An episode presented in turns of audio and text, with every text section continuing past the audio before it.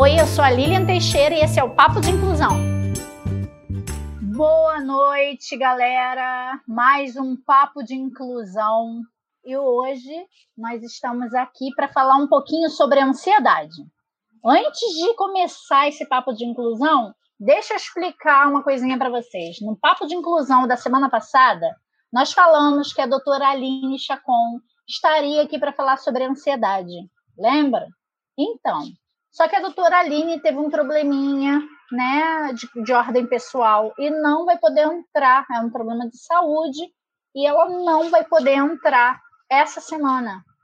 Nós vamos para frente convidá-la para uma nova live e nós vamos estar sempre aqui trazendo profissionais para tirar todas as dúvidas de vocês, tá bom? E hoje nós temos o orgulho de convidar aqui dois diretores queridíssimos de duas unidades nossas para falar de um assunto que tem um, feito parte da vida de todos, que é a ansiedade, a ansiedade na volta às aulas. Então, nós já gostaríamos de estar convidando para entrar nesse papo a nossa queridíssima diretora Rosângela, da unidade Freguesia, e o nosso amado diretor de Botafogo, JJ. Meus boa lindos, boa noite. Olá, pessoal. Boa noite a todo mundo. Como é que Olá, como é que tá essa ansiedade aí, galera? Ah, isso aí. Então, meus amores, começamos as aulas dia 8 de fevereiro né? As crianças, depois, a maioria, depois de um tempo muito grande em casa, voltando às aulas, a equipe aí toda preparada, gerou uma ansiedade, coisa que os pais, né, Jota, né, Rô, vinham conversando com a gente, uma ansiedade sobre esse retorno. Então é o seguinte, eu queria escutar primeiro do Jota, depois eu vou para a Rô para a gente manter aí uma ordem, o seguinte. Jota, que, que você achou dessa volta às aulas? Como é que você viu o comportamento das crianças? Conversa um pouquinho com a gente sobre isso. Fala Eli, fala Rosângela, boa noite, pais e alunos que estão assistindo a gente aí. Muito legal, muito bacana estar podendo participar dessa, dessa live aí com esse grande nome, com esse monstro da inclusão que é Eli. Bem, Eli, é, assim, como a gente ainda está num período em que o aluno ele pode optar por estar em casa ou estar na escola, é, o que eu percebi foi que os alunos que estavam com maior nível de ansiedade acabaram ficando em casa mesmo. Mas mesmo assim, alguns alunos vieram para a escola. A ansiedade ela foi percebida antes das aulas começarem. Certo. Até pelo contato que os alunos faziam com a gente, pelo Google Classroom ou pelas redes sociais. Né? Então, quando as aulas voltaram efetivamente, na conversa inicial que eu tive com os alunos, era que o pessoal não conseguia nem dormir, de tanta ansiedade. Caramba, é, as aulas vão voltar. A gente pensa que esse retorno de aulas foi um retorno totalmente diferente de qualquer retorno nas aulas, até então a gente vivenciou um retorno totalmente diferente. Então, eles ficaram um ano fora, experimentando uma nova dinâmica de aula, que é o ensino remoto. Né? É, muitas coisas aconteceram no ano de 2020, a gente percebe a transformação na dinâmica educacional e na, na, na dinâmica de interação entre os alunos mesmo, né? entre alunos e professores e tal. E é muito perceptível assim, a ansiedade em muitos dos alunos que é, vieram para a escola, em alguns dos alunos também que ficaram de casa, a gente consegue perceber isso tudo. Então, acaba sendo inevitável né? para todo mundo. E para nós, gestores da escola, professores, né? de certa forma, a gente também ficou ansioso aí com esse retorno das aulas. E os primeiros dias de, de aula também geraram muita ansiedade todos nós. É, e nós fomos, né, Jota, aqui nós é, conversamos com os pais e conversamos com os nossos professores, Rô também pode opinar aí. Nós pedimos um tempo para eles, até para trabalhar essa socialização desse início, porque era o que eles mais estavam ansiosos, justamente por estar próximos a toda a equipe. Como essa socialização estava fazendo falta aos nossos alunos, né? Isso foi conversado com toda a nossa equipe e, já era o esperado, né, Jota? Sim, sim. sim, sim. É... Fala, Ivo, fala aí. Não, então, é, assim, com certeza impossível nesse momento, né? Nós não estarmos é, é, é ansiosos, né? Enfim, a gente está no, novo, né? Uma pandemia que é desconhecida, ninguém conhecia, ninguém imaginava passar por isso um dia, né? Então, impossível não ter essa ansiedade. Mas, assim, o que, que isso vem nos mostrando? O quanto a escola é importante para os nossos alunos, né?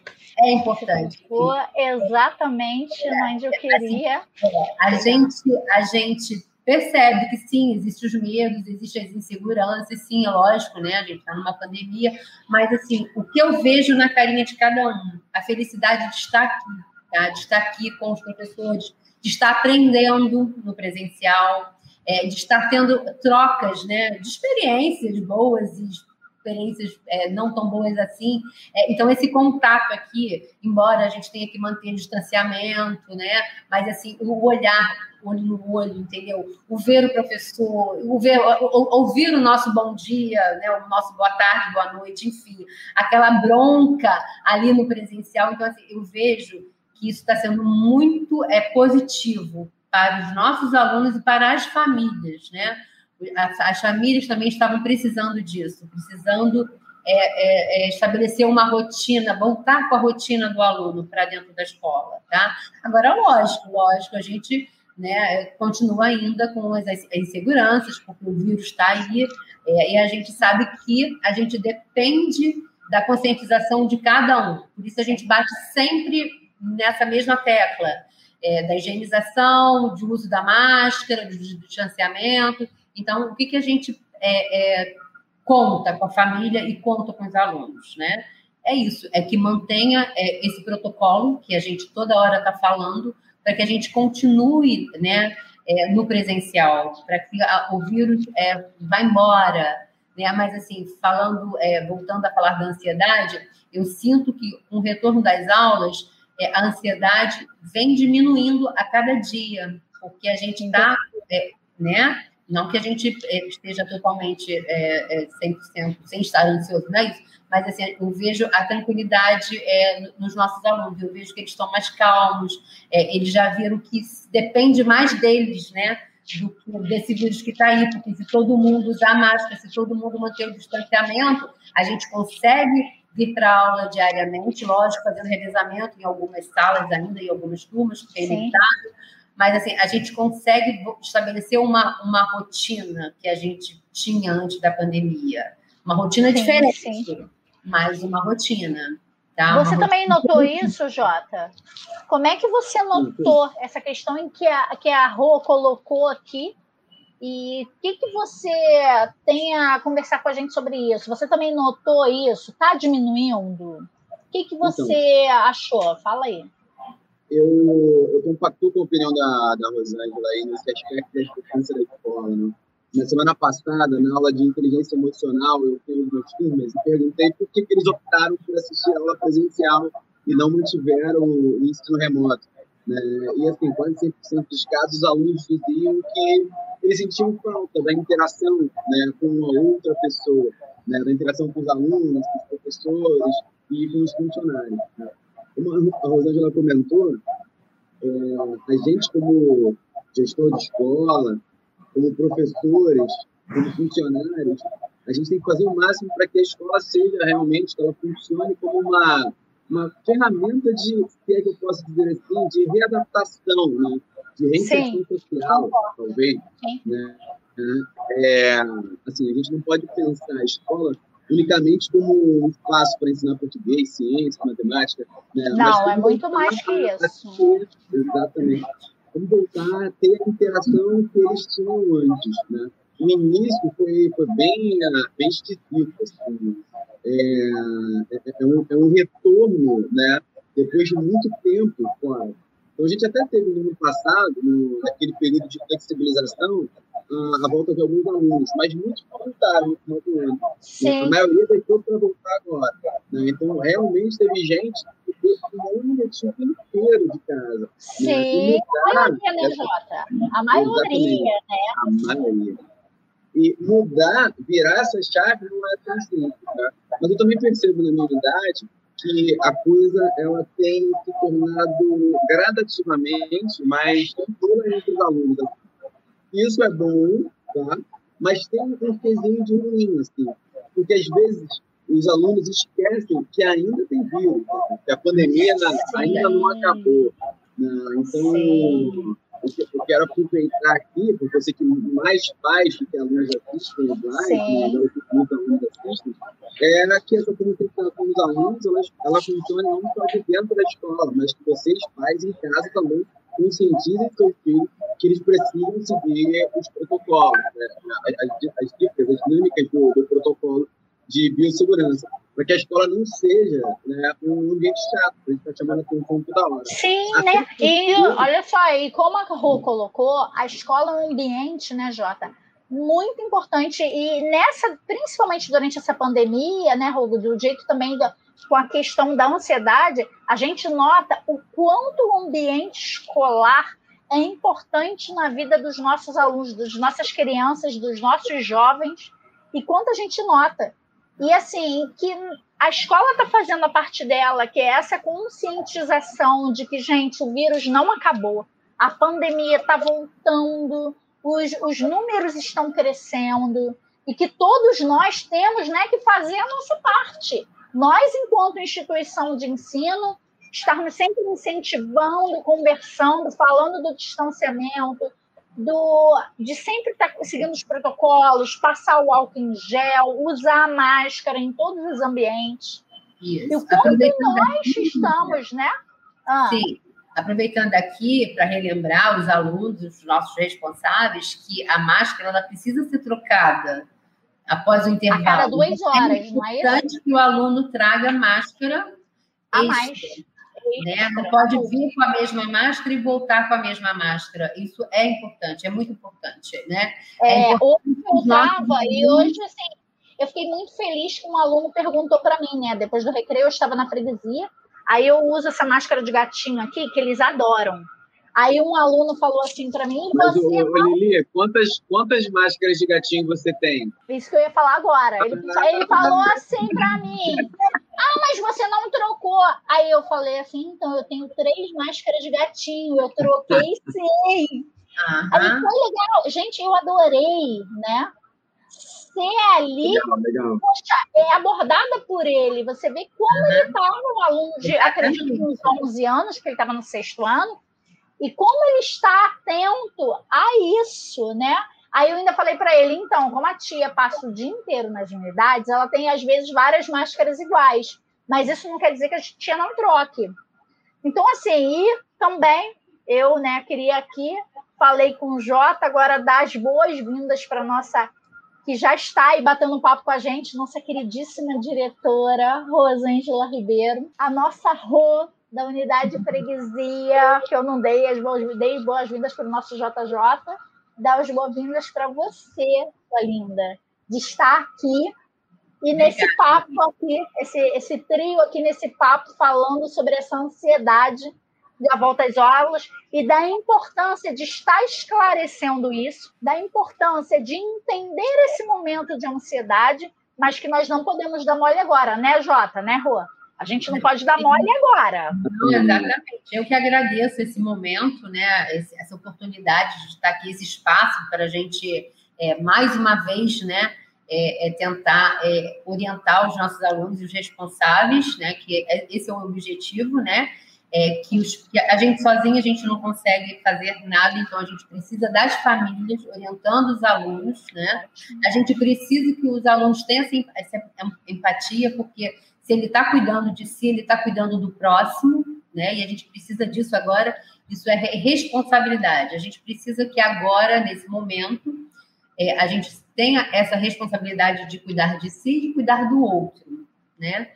E então a gente conta com cada um de vocês. E lógico, nós, enquanto educadores, a gente tem que ser o exemplo. Então, muito bacana o aluno que, né, que chegou para Lili e perguntou: Ué, mas você está com a mesma máscara? E é isso mesmo, a gente quer isso mesmo.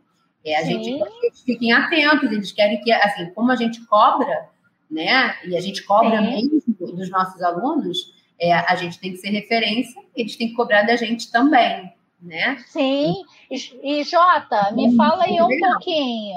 Você, é, essa questão que a gente está conversando aqui sobre a referência que você estava até falando, a referência de ser referência para as crianças como liderança enquanto colégio. Fala você também um pouquinho dessa análise que você teve, como a Rô colocou muito bem, de ser exemplo para eles. Fala um pouquinho dessa análise de como o colégio é importante e depois eu vou dividir um outro assunto com vocês aqui. Vamos lá. Tá, vamos lá.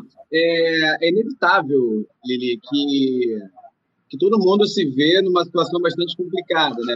Essa questão da ansiedade que a gente está falando aqui, que a gente está debatendo, ela não pode ser estrita é, para ansiedade entre os alunos, né? Como eu falei, não. eu também fiquei muito ansioso. Sim. Cara, foi tenso demais, porque eu fiquei pensando assim, caraca, as aulas voltam amanhã. Quem é que vem? Como vem? Como é que eu vou receber essa galera?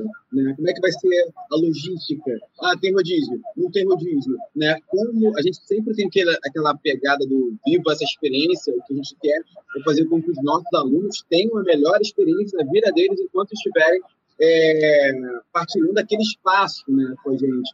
E, poxa, a gente se viu numa situação bastante complicada em como fazer o aluno ter uma boa experiência na escola que eu tenho que ficar chamando a atenção dele toda hora, né? Tipo, bota máscara, de cabelo, distanciamento, olha o em gel, né? Então a gente ficou muito, eu posso dizer por mim, assim, ficou muito ansioso durante, durante esse tempo, né? Mas como você mesmo salientou aí, cara, a gente, assim, a, coisa da inteligência emocional mesmo, né? A gente Sim. tem uma inteligência, lê bastante, estuda bastante é, esses tópicos, a gente precisa colocar isso em prática nesse momento. Né? Então, vamos lá. Eu sei que eu estou ansioso.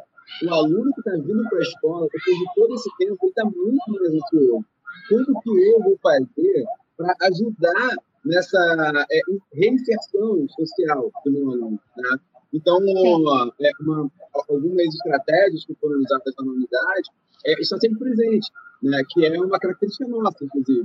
Né? Então, pô, na entrada, na hora do intervalo, às vezes eu sinalizo, eu faço, eu atendo com o aluno, e você vê como é que mudou né, o perfil de aluno. Né? Ele fica sem graça de acenar, ele baixa a cabeça, ele baixa o olho. Né? Então, na hora dos intervalos, a gente vê o pessoal o tempo inteiro com o celular. Né? É, eu percebi um aluno, obviamente não foi seu aluno, mas ele passou o tempo inteiro assim, mandando mensagem para a mãe, né? dizendo: Ah, não aguento mais, quero voltar para casa, isso aqui é chato, tudo é muito chato. E a mãe veio falar comigo, né, de uma reunião, e a gente ficou para conversar. Por que, que ficou chato no ambiente externo? Porque, é claro, ele passou um, um ano inteiro dentro Exatamente. de casa. Exatamente. Como é que tem perfis e perfis de alunos, né? Tem um aluno Sim. que estava doido para vir para a rua. Teve um aluno que estava doido para ir para a rua, veio e ficou com medo, assim, não, quero voltar para casa. Lá eu estou mais seguro. Lá é um ambiente que Sim. eu me sinto mais tranquilo. São perfis diferentes, né, Jota? Nós temos aquele Sim. ansioso, como você está colocando aí, aquele ansioso que ele tem é tá com muito medo, aquele ansioso que está muito empolgado para estar no ambiente escolar e que a gente nota que é natural uma certa imaturidade pela empolgação de estar próximo aos colegas, à equipe, de ver as pessoas novamente.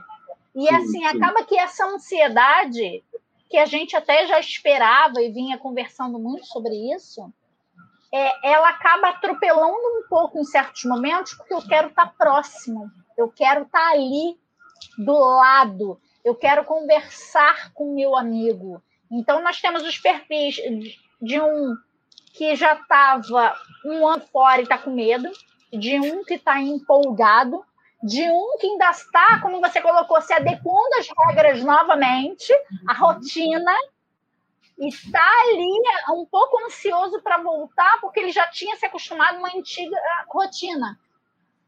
Então, nós temos vários perfis de crianças, né, ansiosas. Uma coisa que eu queria também tocar com o assunto com vocês e que a gente vem sempre conversando e eu venho recebido muitas mensagens de pais. realmente nessa pandemia a gente viu um número crescente realmente do transtorno de ansiedade. Nós estamos recebendo aí um número grande de alunos que está fazendo tratamento um transtorno de ansiedade. E eu queria que a Rô e depois o Jota colocassem, é, falassem um pouquinho das nossas estratégias para trabalhar esse transtorno de ansiedade, né? Nós que nesse primeiro momento que é, quisemos que usar estratégias de acolhimento nesse primeiro momento, queria, Rô, que você falasse um pouquinho o que, que nós usamos aí, esse acolhimento, para abrandar um pouquinho esse momento mais difícil da volta às aulas, para estar tá ajudando não só esses alunos, como seus familiares nessa ansiedade. Que a gente sabe que quando a gente tem o transtorno, isso acaba sendo até físico. Alguns alunos sentindo um pouco de palpitação, estando ali mais quietos, uma certa falta de ar. Como nós fizemos esse acolhimento, Rô? Fala um pouquinho para gente, como é que tá. aconteceu tá. ali na freguesia. Tá, então, assim, o importante é a gente respeitar o tempo de cada aluno. Cada Sim. aluno tem seu tempo, né? Então a gente não pode comparar o aluno não. A com o aluno B, né? Cada um tem seu tempo e a gente tem que seguir isso com muita seriedade, né? Bom, acolhimento é acolhimento para todos, lógico, Sim. né? É, agora, lógico, tem crianças ou adolescentes que precisam de um acolhimento, de uma atenção maior, né? E é, é, a gente não tem um mês de aula ainda. Essa primeira, primeira é, a gente, essas três semanas aí completas, né? É, foi de observação mesmo, observar, é, inserir o aluno, principalmente o novo que vem de uma escola diferente, que ainda não socializou com os outros alunos. Então, assim, essas três semanas é praticamente isso: socialização, ambientação, e o acolhimento é de todos. Todos os nossos profissionais, eles são treinados para isso. Eles são treinados para observar. E assim, e na observação levar a quem direito aquele que tem conhecimento maior, tá? É, isso tanto para os alunos quanto para as famílias, né? Então a gente faz esse trabalho é, com muita propriedade, né? Com, com, com profissionais é, é, renomados, a Lili é uma delas, que é a nossa coordenadora, né? É, e a Lili é que faz todo esse, esse trabalho, né, de, de orientar a gente para que a gente possa é, identificar as crianças que precisam de um acolhimento maior, porque assim, acolhimento é para todos, gente, para crianças típicas e atípicas, né? E não só crianças, famílias e funcionários, porque como a gente falou, nós estamos numa pandemia e a ansiedade é para todos, né? É, é, é, é já, já, era, né? A ansiedade antes da pandemia já vinha crescendo com esse mundo aí é, em velocidade é, máxima, né? As informações chegam para a gente assim, numa velocidade como se fosse um terremoto, né? Então, assim, a vida da gente passou a ser mais dinâmica, pais trabalhando fora mais tempo, com menos tempo para filhos. E aí, assim, o mundo mudou, né? E a pandemia só fez fazer com que isso é, aumentasse a velocidade da, da ansiedade. A ansiedade já existia, né? E o trabalho da escola é justamente esse: é olhar caso a caso, é ter um olhar individual para as necessidades de todos os alunos, tá? E Sim. de o que você perguntou, tá? Mas assim, o, o, o que a gente aqui, o intelectos, né? O que a gente é, é, preza e o que a gente faz, o que a gente acredita, é justamente é isso, é, é acolher, cuidar e dar muito amor para essas crianças. Tá? Exatamente. E a gente sabe, né, Jota, que fazendo esse acolhimento, fazendo esse trabalho individualizado, como a Rô falou, que isso é uma coisa muito natural da rede, isso, como isso atenua essa ansiedade do retorno e como isso nos ajuda na no dia a dia, dentro de sala de aula, como isso nos ajuda no pedagógico, né, Jota? Sim. Deixa eu só falar uma coisa curiosa.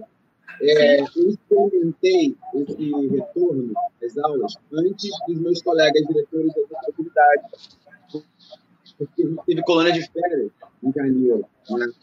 Um pequenininho. Cara, foi uma loucura a necessidade que as crianças tinham de colocar a mão assim, sabe? E a gente, pelo amor de Deus, eu fiquei careca na colônia, antes eu tinha cabelo. E eles queriam fazer montinhos, queriam, queriam abraçar, era, era muito engraçado. Queriam pegar o rosto do outro, fazer. Né? Você vê a necessidade do, que o ser humano tem de um outro ser humano. Né?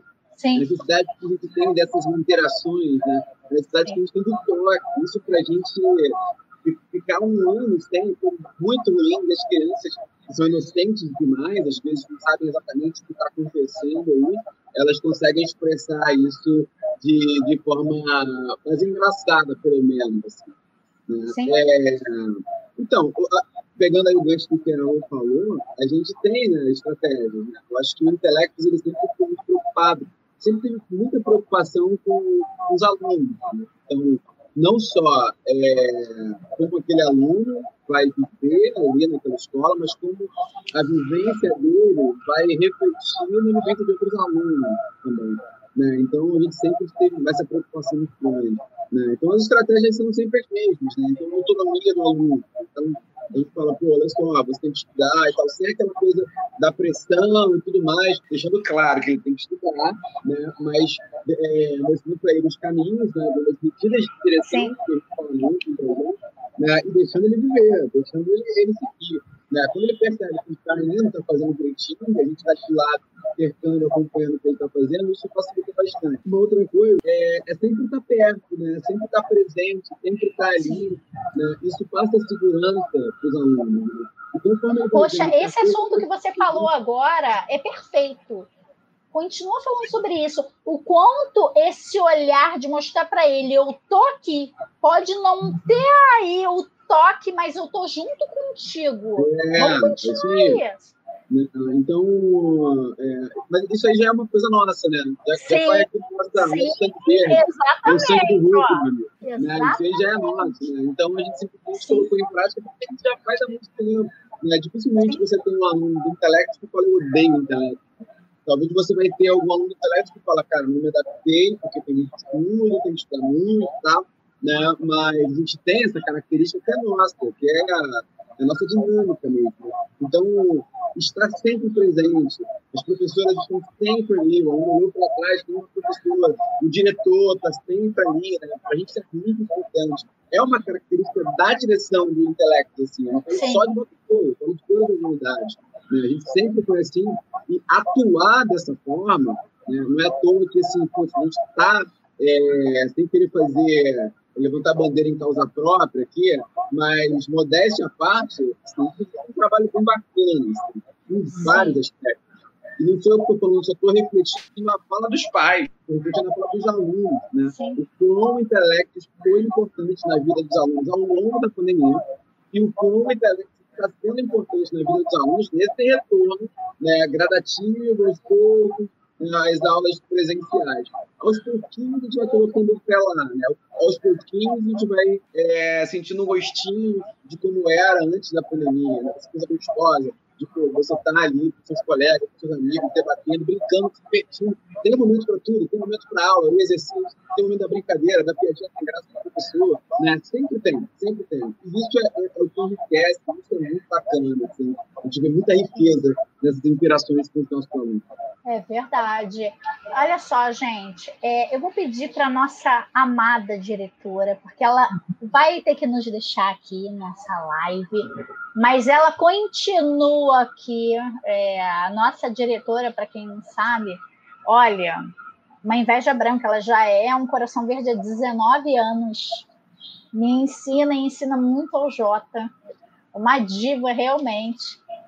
Rosinha, eu queria pedir, mas antes de nos despedir de você. É, 19 anos é a minha idade. Entendi. Em cada perna, com certeza. Em cada perna, gente, com certeza, né, JJ? Então, assim, pedir para você deixar aqui um recadinho, até mesmo para a gente estar acalmando o coração dos nossos pais, que a gente entende, eu sou mãe, você também, Jota também é pai, para estar tá aqui acalmando o coração deles Vou pedir para antes de você se despedir de nós, você deixar um recadinho aí para toda a comunidade verde. Tá. Tá bom. Antes do recadinho, eu só quero fazer uma colocação, né? Assim, todos sabem que o Intelectos é, iniciou esse ano o, o Educação Infantil, né? É, por sinal, eu estou apaixonada, gente. Eu não estou aguentando aquelas crianças. Meu Deus, né? Todo dia eu vou lá corujar, dar uma olhadinha neles, assim. E que coisa linda. É, eles estavam precisando, de fato, vir para a escola. É, assim, é muito lindo vê-los brincando, interagindo. Hoje, especificamente hoje, um aluno que entrou ontem, tá? Está é, em adaptação ainda, então o aluno que está em adaptação, ele precisa sair mais cedo, né? Então, ele entrou 7h20, 9 alguma coisa, os pais vieram buscar. A criança estava chorando porque não queria ir embora. Oh, meu Deus. Ela chorava porque ela não queria ir. Né? Normalmente, uma criança de adaptação é o contrário, quer voltar Sim. para casa. Né? Sim. E é o contrário né? Ele queria ficar, ele não queria ir para casa, ele falava os oh, meu Deus. E assim, a mãe fala que ele acordou 5 e meia, já querendo botar o uniforme. Ah. E eu já até conversei né, com a coordenadora para a gente não precisar colocar essa criança na adaptação, ela já está adaptada. Então, assim, muito, muito, legal isso, muito legal, assim, muito, muito gostoso ver aqueles petitins aqui interagindo, curtindo a escola, Sim. consciência o que, que é escola, né? O que, que é socialização, enfim. Ah, então, assim, muito bom. Bom, o recado que eu queria deixar para vocês, pais e alunos, é que, assim, é, confiem na gente. Podem ter certeza que a gente faz tudo com muita responsabilidade. O filho de vocês não é só de vocês, é nosso também. Sim, então, isso a gente é verdade. Tem... Isso é verdade. Tenha uma certeza. Sim, exatamente. É, a gente não fala isso da boca para fora, é verdadeiro. É é verdadeiro, é do coração. Quem trabalha com educação é isso, tá? Então, assim, quem trabalha com educação é, é, tem vários filhos, né? Então, pode ter certeza que todo o cuidado que a gente tem aqui com o filho de vocês é o mesmo que a gente tem com os nossos em casa, netos e família, tá? O intelecto é uma família, tá? Então, tenho certeza que a gente está é, fazendo é, de tudo, tá? Para fazer com que os filhos de vocês estejam aqui em segurança. E às vezes a gente até é chato, né? Porque a gente é, é, é, é, reclama, a gente é, reclama que está muito próximo do outro, tem que manter o distanciamento, a gente reclama que a máscara está fora do lugar, não está tampando o nariz. A gente até faz isso com alguns pais também, né? Chegam Sim. aqui, esqueceram a máscara, ou, ou não estão usando a máscara adequadamente, e a gente acaba sendo até um pouco chato, mas é porque quem ama cuida, tá? E a gente está nesse, nesse momento aí de, de ser chato porque a gente ama muito e a gente cuida. Então, assim, tenham a certeza que os filhos de vocês vão estar assegurados aqui, tá? E é isso. Tá. Então, tá bom? Então, um beijinho. Muito obrigada, Roa. Muito, muito bom estar aqui, muito bom falar com vocês, Lili. Você, você fala que eu sou uma diva, mas você então, é minha discípula, porque você também é uma. Com certeza. Não, isso é um grande elogio. Aí, tô com ciúme, não, não, não, é porque a Lili é coração. E, Jota, não precisa ficar com ciúmes, que eu também te amo, tá bom? Família Intelecto, gente, vocês são mil. Família tá? Intelectos é isso, gente. Tá bom? Um beijinho. Boa noite pra Beijo. Boa noite. Então, Jotinha, agora sou eu e você. Vamos Oi, lá, vamos continuar. Antes de você pegar aí, deixa eu só salientar um pouco. claro. caramba aqui. Assim, pais, vocês assim, isso é natural nosso, sabe? Essa interação que a gente tem, isso é só um pedacinho do que os seus filhos vivem dentro da nossa escola, assim. Né? É... Hoje eu li uma coisa muito interessante, né? Que quando você faz um trabalho duro, mas que você gosta daquele trabalho duro, isso é uma dádiva. Quando você faz um trabalho duro e você não gosta, aquilo ali é a coisa não flui. pior do mundo. Né? O nosso trabalho não é fácil, o nosso trabalho é difícil pra caramba. É só você começar a pensar como que é como, como que é ali a logística para organizar sala de aula remota, sala de aula presencial, professor que está aqui, professor que está lá com o livro, papo de inclusão, só para você pensar, é muito trabalho, mas a gente está aqui, vai dar 8 horas da noite, meu filho está dormindo aqui, eu estou doido para ele não acordar, para não atrapalhar aqui minha conversa, mas eu também estou preocupado porque ele vai me dar um trabalho danado que ele vai acordar 8 horas, vai querer dormir lá para meia-noite, né? Mas assim, esse é, essa coisa familiar, essa coisa gostosa que a gente tem das nossas interações, o quão isso é importante, né? Para as nossas crianças, para os nossos adolescentes. Só, só queria tocar nesse, nesse assunto eu, aí. Porque... Eu adorei o que você botou, é, e assim, como assim, o entrosamento da nossa equipe abranda, inclusive, a ansiedade dos nossos alunos, de eles conseguirem, né, Jota, ver realmente como é que esse ambiente familiar traz uma tranquilidade, traz uma segurança para os nossos alunos. Gente, uma criança, um jovem, né, Jota, que está num ambiente seguro, por mais que ele tenha ansiedade, e a gente sabe que essa ansiedade da volta às aulas é algo natural, tá? A gente não está aqui, a gente está aqui para dizer o seguinte: estamos com vocês, essa ansiedade de vocês, das crianças e dos jovens, é algo natural, mas nós aqui estamos para falar o seguinte: estamos juntos, tá todo mundo aqui junto, trabalhando em prol desse aluno que para a gente não é só um aluno. O João é o João, é o João, às vezes, filho do Paulo, eu tiro pro meu filho. Meu filho é João. O João é filho do Valcim. Tá vindo aqui, olha só. A Maria é filha da Lili. Ela é alguém muito importante para nós. O quanto essa individu esse olhar individualizado, né, Jota, traz uma segurança para os nossos alunos, quanto isso ameniza essa ansiedade deles, né? Sim, sim. E essa coisa que a gente tem com, com as famílias, né? Falar assim, ah, mas poxa, o diretor conhece todos os alunos. Não, a gente conhece todos os alunos e conhece a maioria dos pais também, né? De chamar pelo nome, de não, não ter essa coisa, no intelecto tem essa coisa de mãezinha, oi mãezinha, oi, pai, oi paizinho. É fulano de tal, e aí, como é que você tá? E aí, como é que tá em casa? Tá tudo fluindo direitinho? Né? Então a gente acaba sendo uma extensão, né? Acaba sendo uma extensão da, da família da criança isso acaba facilitando realmente é, e minimizando esse transtorno de ansiedade, né? Quando a criança se sente à vontade, quando o adolescente se sente à vontade, e assim, algumas aspas nesse à vontade, porque como a gente falou lá atrás no meio da, dessa live, às vezes eles se sentem tão à vontade que eles acham que podem é, ficar sem máscara e tudo mais e descumprir o, o, o, protocolo, né? Mas quanto mais o aluno se sente à vontade naquele ambiente, ele vê aquele ambiente escolar como uma extensão da casa dele, da família dele, tudo foi muito melhor, né? Tudo flui de maneira muito mais facilitada. O aprendizado, ele vai o ensino-aprendizagem vai acontecer, os professores vão ter mais facilidade de ensinar, os alunos vão aprender melhor, né? E a coisa da ansiedade, ela vai se desconstruindo, ela vai se quebrando é, com o tempo. Né? Uma palavra que eu gosto muito, Lili, é resiliência, né? Sim. Que é importante pra caramba durante esse período tanto com os eu pais. Acho que esse período ela ficou mais até evidente, né, não, Jota? Esse período trouxe mais essa palavra, empatia e resiliência, você não acha? Exatamente. É, é, por conta de uma necessidade, né? Até. Né? O, o sistema acabou, a situação acabou impondo isso para a gente. Né? Se antes a gente não pensava nisso, a partir de agora a gente teve que começar a viver dessa forma, né? a gente teve que aprender a viver dessa forma. Né? Então, resiliência é como lidar com esse tipo de situação sem que isso gere grandes transtornos na tua vida e que você Sim. consiga aprender e crescer com isso. Né? E eu percebo, Lili, embora, obviamente, a gente tenha muitos casos é, de transtornos, de ansiedade, eu percebo muitos alunos crescendo com isso, muitas famílias crescendo com isso, muitas famílias se reconstruindo, né? Que até abrir um grifo aqui, que é o caso da minha família, inclusive, né? Então Sim. a pandemia juntou eu, meu filho e, a minha ex e tal, né, aproveitando para fazer um desabafo aqui, a gente acabou todo mundo ficando ali, né? Então, o como que é, coisas boas, né, aconteceram. Também aconteceram, né?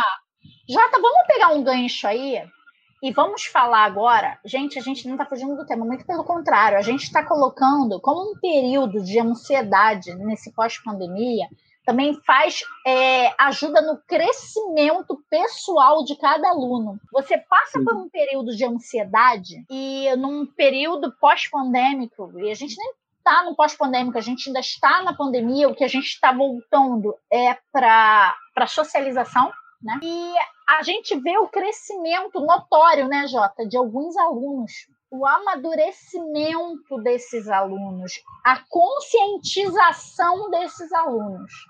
E isso vale muito trazer aqui nesse momento. E como esses momentos difíceis acabam ajudando os nossos alunos no seu, no seu crescimento pessoal. isso que o Jota colocou até mesmo, é, a pandemia teve seus lados bons, sim. Eu acho que o ser humano ele se viu muito mais caridoso, com muito mais empatia, sabendo que ele vai ter que ser muito mais resiliente. Semana passada, quarta-feira, eu estava lá em Botafogo, né? E, aliás, foi aniversário do nosso querido JJ, quarta-feira passada, e que nós saímos para almoçar. E quando voltou eu, ele, a coordenadora, Marcela, a gente voltou e tinha um menino que ia entrar na unidade. E na hora que ele foi entrar, ele se deu conta que ele estava sem a máscara. Antes do nosso inspetor falar, ele falou: desculpa. E, mas foi uma coisa tão natural ele colocar e pedir desculpa e essa conscientização, e a gente notou um amadurecimento em que a gente não precisou falar nada, né, Jota? Como é que eles estão crescendo pessoalmente? Você, ainda mais que você é professor de inteligência emocional, né?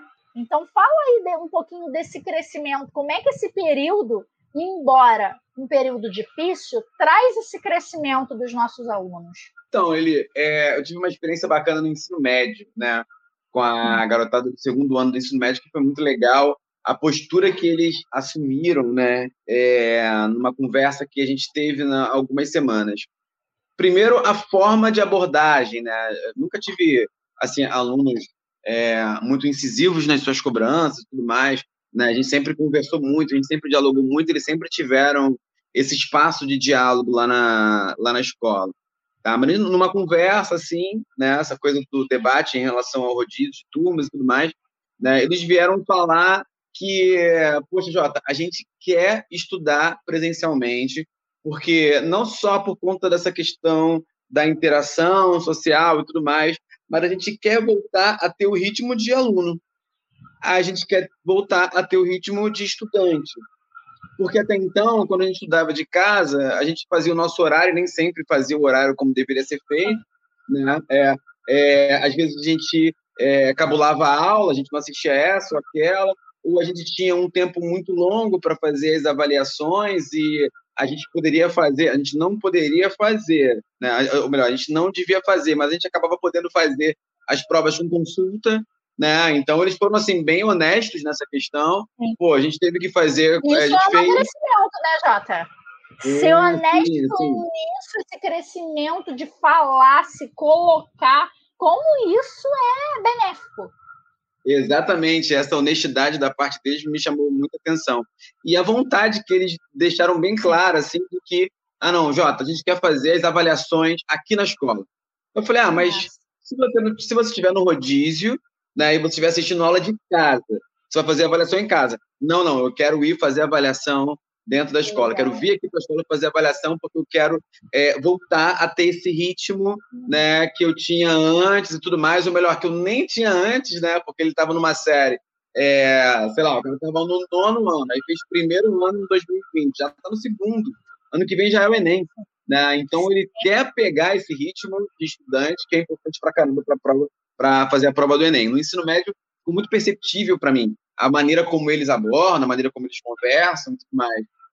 Sim, né? sim. Né? Isso no fundamental, isso acaba sendo perceptível porque né, a autonomia, de uma certa forma, foi uma característica mais cobrada no período da pandemia dessas crianças. Você imagina é, crianças de 6, 7, 8 e às vezes até 10 anos estudando remotamente mesmo com acompanhamento dos pais. Quem ia imaginar que um processo não, de alfabetização um processo de alfabetização iria acontecer remotamente. Assim, a gente alfabetizou um monte de crianças, né? Quem ia imaginar?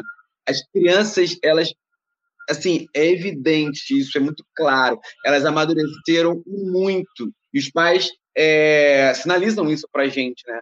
Quanto que as crianças amadureceram ao longo desse período pandêmico, né? E a gente via lá no, 2000, no início de, de 2020, né? E agora no, no iníciozinho de 2021, o quanto que esses caras cresceram, não só em aspectos é, acadêmicos, assim, e até nas suas interações sociais, mas também em aspectos físicos, né? Porque criança dá uma espichada. Num ano tá de um jeito, do outro ano já tá falando grosso, né? Já, tá, já cresceu pra caramba, né? Então, assim, o amadurecimento das crianças, dos adolescentes foi, foi muito nítido, assim, pra gente. Sim, sim. E assim, gente, eu queria, assim, a gente está chegando aí já nos últimos minutos e falar que nós temos um papo de inclusão e sim, ansiedade, lembrar, a ansiedade tem a ver com a inclusão. É a, a inclusão do meu aluno que está sofrendo de ansiedade. Em muitos casos, a gente tem alguns casos mais com que a gente tem que ter um acompanhamento, são casos mais delicados e outros que a gente nota no dia a dia. Uma coisa que a gente não pode deixar de lado, né, Jota, são que nós temos é, vários alunos atípicos, né? A, hoje, a rede de inclusão do Intelectus, até o momento, está contando com mais ou menos 90 alunos atípicos, né? Toda a rede, as três unidades, e que esses alunos, sim, também estão passando por esse período de ansiedade. E que, sim, tem um olhar muito sensível por parte da equipe, por toda, por toda a equipe, aliás, que foi treinada para estar tá recebendo esse aluno. Sabemos que eles, em alguns momentos, até mesmo por N situações, chegam um pouco mais nervosos, porque a gente não sabe como é que essa ansiedade está se desenvolvendo dentro desse aluno. E deixar claro para os pais que nossa equipe foi preparada para lidar com esse momento em que os alunos se encontram mais desorganizados, em que os alunos se encontram mais nervosos, e que para eles fiquem tranquilos relativo a isso. Vai acontecer? Já aconteceu alguns casos e pode acontecer novamente, né, Jota? Mas para que eles fiquem tranquilos relativo a isso, né? Exatamente. É. É, é um discurso que a gente tem que assumir, né? Esse é um discurso que a gente tem que assumir. É, a, a, coisa não acabou ainda, né? A gente está vivenciando isso, tá? Não dá para, até porque isso pode gerar frustração e eu já tenho percebido muito disso, né? Ah, mas não acabou? Como é que acabou e está crescendo de novo? Não, a gente tem que estar tá muito atento ao que está acontecendo, né? Pais, volto a repetir, importantíssimo conscientizar Sim. as crianças para as crianças saberem o que está acontecendo, né? É, para não se frustrarem, isso acaba gerando ansiedade dentro da escola também. Sim, uma coisa que está acontecendo, e a gente sempre fala, a gente pede para que vocês conversem com eles, nunca é demais uma coisa. Muitos chegam, né? Eu vi o JJ passando por isso semana passada. As crianças, tio, e vem abraçar, e a gente fala assim: não, é que não pode abraçar, para que vocês conversem com eles. É uma coisa que a gente conversa dentro da escola: olha, desculpa, eu não posso te abraçar. A gente te ama muito, você é muito importante, até porque, gente, nós temos uma, tínhamos a política antes da pandemia de abraçar muito. Eles estavam acostumados àquilo. Mas para vocês conversem com eles já em casa. Olha, eles, você continua sendo muito querido, mas não pode abraçar, não pode beijar. Aquele famoso beijinho na cabeça que todos os nossos diretores sempre davam, os nossos coordenadores, vem cá, menino, vem cá, criança, vem cá com a tia. Isso não pode acontecer, para que vocês conversem e lembrem isso. Porque na cabecinha deles, eu estou voltando para a escola, eu vou poder beijar, eu vou poder é. voltar a abraçar. Por favor, que vocês conversem, né, Jota, com eles, que vocês continuem sendo muito amados, mas que nesse momento a gente não vai poder fazer. A gente não vai poder ter essas atitudes e esses gestos de carinho. Né? Que a gente vai trocar isso por um. A gente para e faz assim, né? Para eles. Abraço, sinta-se abraçado. A gente vai trocar por palavras, mas que a gente vai continuar no distanciamento. Todo dia, quando a gente olha, infelizmente, de uma semana para cá, né? Isso está muito visível. A gente vê sempre as bandeiras, a televisão anunciando o número está crescente ainda, então vale muito ainda a nossa atenção. Isso é essencial. Dizer, Sim. olha, quando aquele nossos inspetores, você chegar, aquele tio que está na portaria, pedir para você consertar a máscara, para você passar o gel, não reclama. Isso daí é natural, ele está te protegendo, é ou não é, Jota? Exatamente isso, exatamente isso. Primeiro que não era, não é, não é para ele estar tá reclamando, né? não era para ele estar tá chamando atenção. Então, é, é exatamente, é, é, é, básico, né, gente? É, é a máscara, é o álcool em gel, é o distanciamento, é o não compartilhamento dos objetos pessoais, cada um leva suas coisas, né? Então essa preocupação de estar tá distante mesmo isso, isso é importante. Porque, assim, quando a gente pensa em ansiedade, acaba sendo uma consequência de muitas coisas como essa, por exemplo. Né? Então, você vai. É, então, pode ser que isso gere ansiedade no aluno. Né? Essa coisa da preocupação. Não, eu vou ter que chegar, eu vou ter que fazer assim. Não, é álcool em gel. Quantos totens de álcool em gel tem dentro do pessoa? Não, tem outro, tem outro, tem outro, tem outro. Não, calma aí, vamos devagar. Ah, então, eu preciso realmente que os pais conscientizem as crianças, os adolescentes, para que a gente não fique com essa pressão toda dentro da escola, né? Então a gente quer que a criança, que o adolescente realmente viva uma experiência bacana na nossa escola. Exatamente. E gente, assim, estamos aqui finalizando. Agradecer o nosso diretor, JJ, queridíssimo, aqui. É, quero contar contigo em muitos papos de inclusão aqui comigo. Pode chamar. Você que é adoro, muito adoro. querido. Gente, adoro. vou entregar ele um pouquinho, que é meu amigo, que eu tô tentando ser mais fit, ele tá me dando uma força aí, entendeu? Meu amigo fit, o diretor Só querido. Só contar coxinha de galinha e Coca-Cola já tá legal, já. Acaba com a minha vida desse jeito. Acaba com a minha vida. Então, assim, agradecer demais o companheirismo de sempre, a parceria de sempre, é, para a gente estar tá aí, continuar aí nessa estrada, essa estrada linda da escola para todos, porque a escola é de todos. Lembrar Exatamente. também de um nosso diretor que não pôde estar presente, que é muito amado, que é o Tite, Tiago, de Vila Isabel. Então, ele não pôde estar presente, mas ele está sempre aqui com a gente. É outro parceiro nosso. Mandar um Sim. beijo Tite, nós chamamos, muito obrigado por tudo. Valeu, Tite. Agradecer, exatamente, o Tite, pai da Manu, agradecer aos nossos coordenadores e a nossa equipe toda que está tão envolvida, né, Jota? Verdade, isso é verdade. O pessoal está então, assim, empenhadíssimo. Empenhadíssimo, exatamente. Agradecer por tudo, agradecer vocês, pais, por estarem aqui, pelo voto de confiança, pelo carinho. Vamos continuar contando com vocês aí para a gente ainda terminar, é, continuar passando por esse momento de tanta aprovação, por esse momento de tanto crescimento pessoal, né? Queria que você deixasse um recadinho, Jota, para a gente terminar aqui a live. É, Lili, eu queria agradecer. Primeira vez que eu participo do Papo Inclusão, já estava ficando até chateado contigo, porque tu nunca me chamava. tô brincando, tô brincando. É, é uma live que eu gosto bastante, que eu considero importantíssima, tanto para os alunos, quanto para os pais da, da nossa escola, quanto para outras pessoas que acabam assistindo, porque são indicadas também. Né? Então, é uma ferramenta que eu acho essencial assim, é, na vida dos nossos alunos, das pessoas que podem assistir. Quero agradecer a todos os meus alunos queridíssimos, amados, maravilhosos. Estava morrendo de saudade de vocês e poder viver essa experiência com vocês em sala de aula, na escola. Isso para mim é sensacional. É isso que nos motiva como diretores, é isso que nos motiva como educadores. Né? Contem sempre comigo, contem sempre com a gente. Obrigado, Lili, obrigado, Rô, obrigado, Tite. E é isso aí, só tenho a agradecer mesmo. É isso aí. Gente, muito obrigado. Mês que vem estaremos aqui e vamos, Jota, falar com uma psicóloga sobre uma, a visão da psicologia, dando dicas da psicologia na ansiedade. A gente vai continuar falando, porque um, exatamente, a Érica Fernandes, psicóloga, estará presente.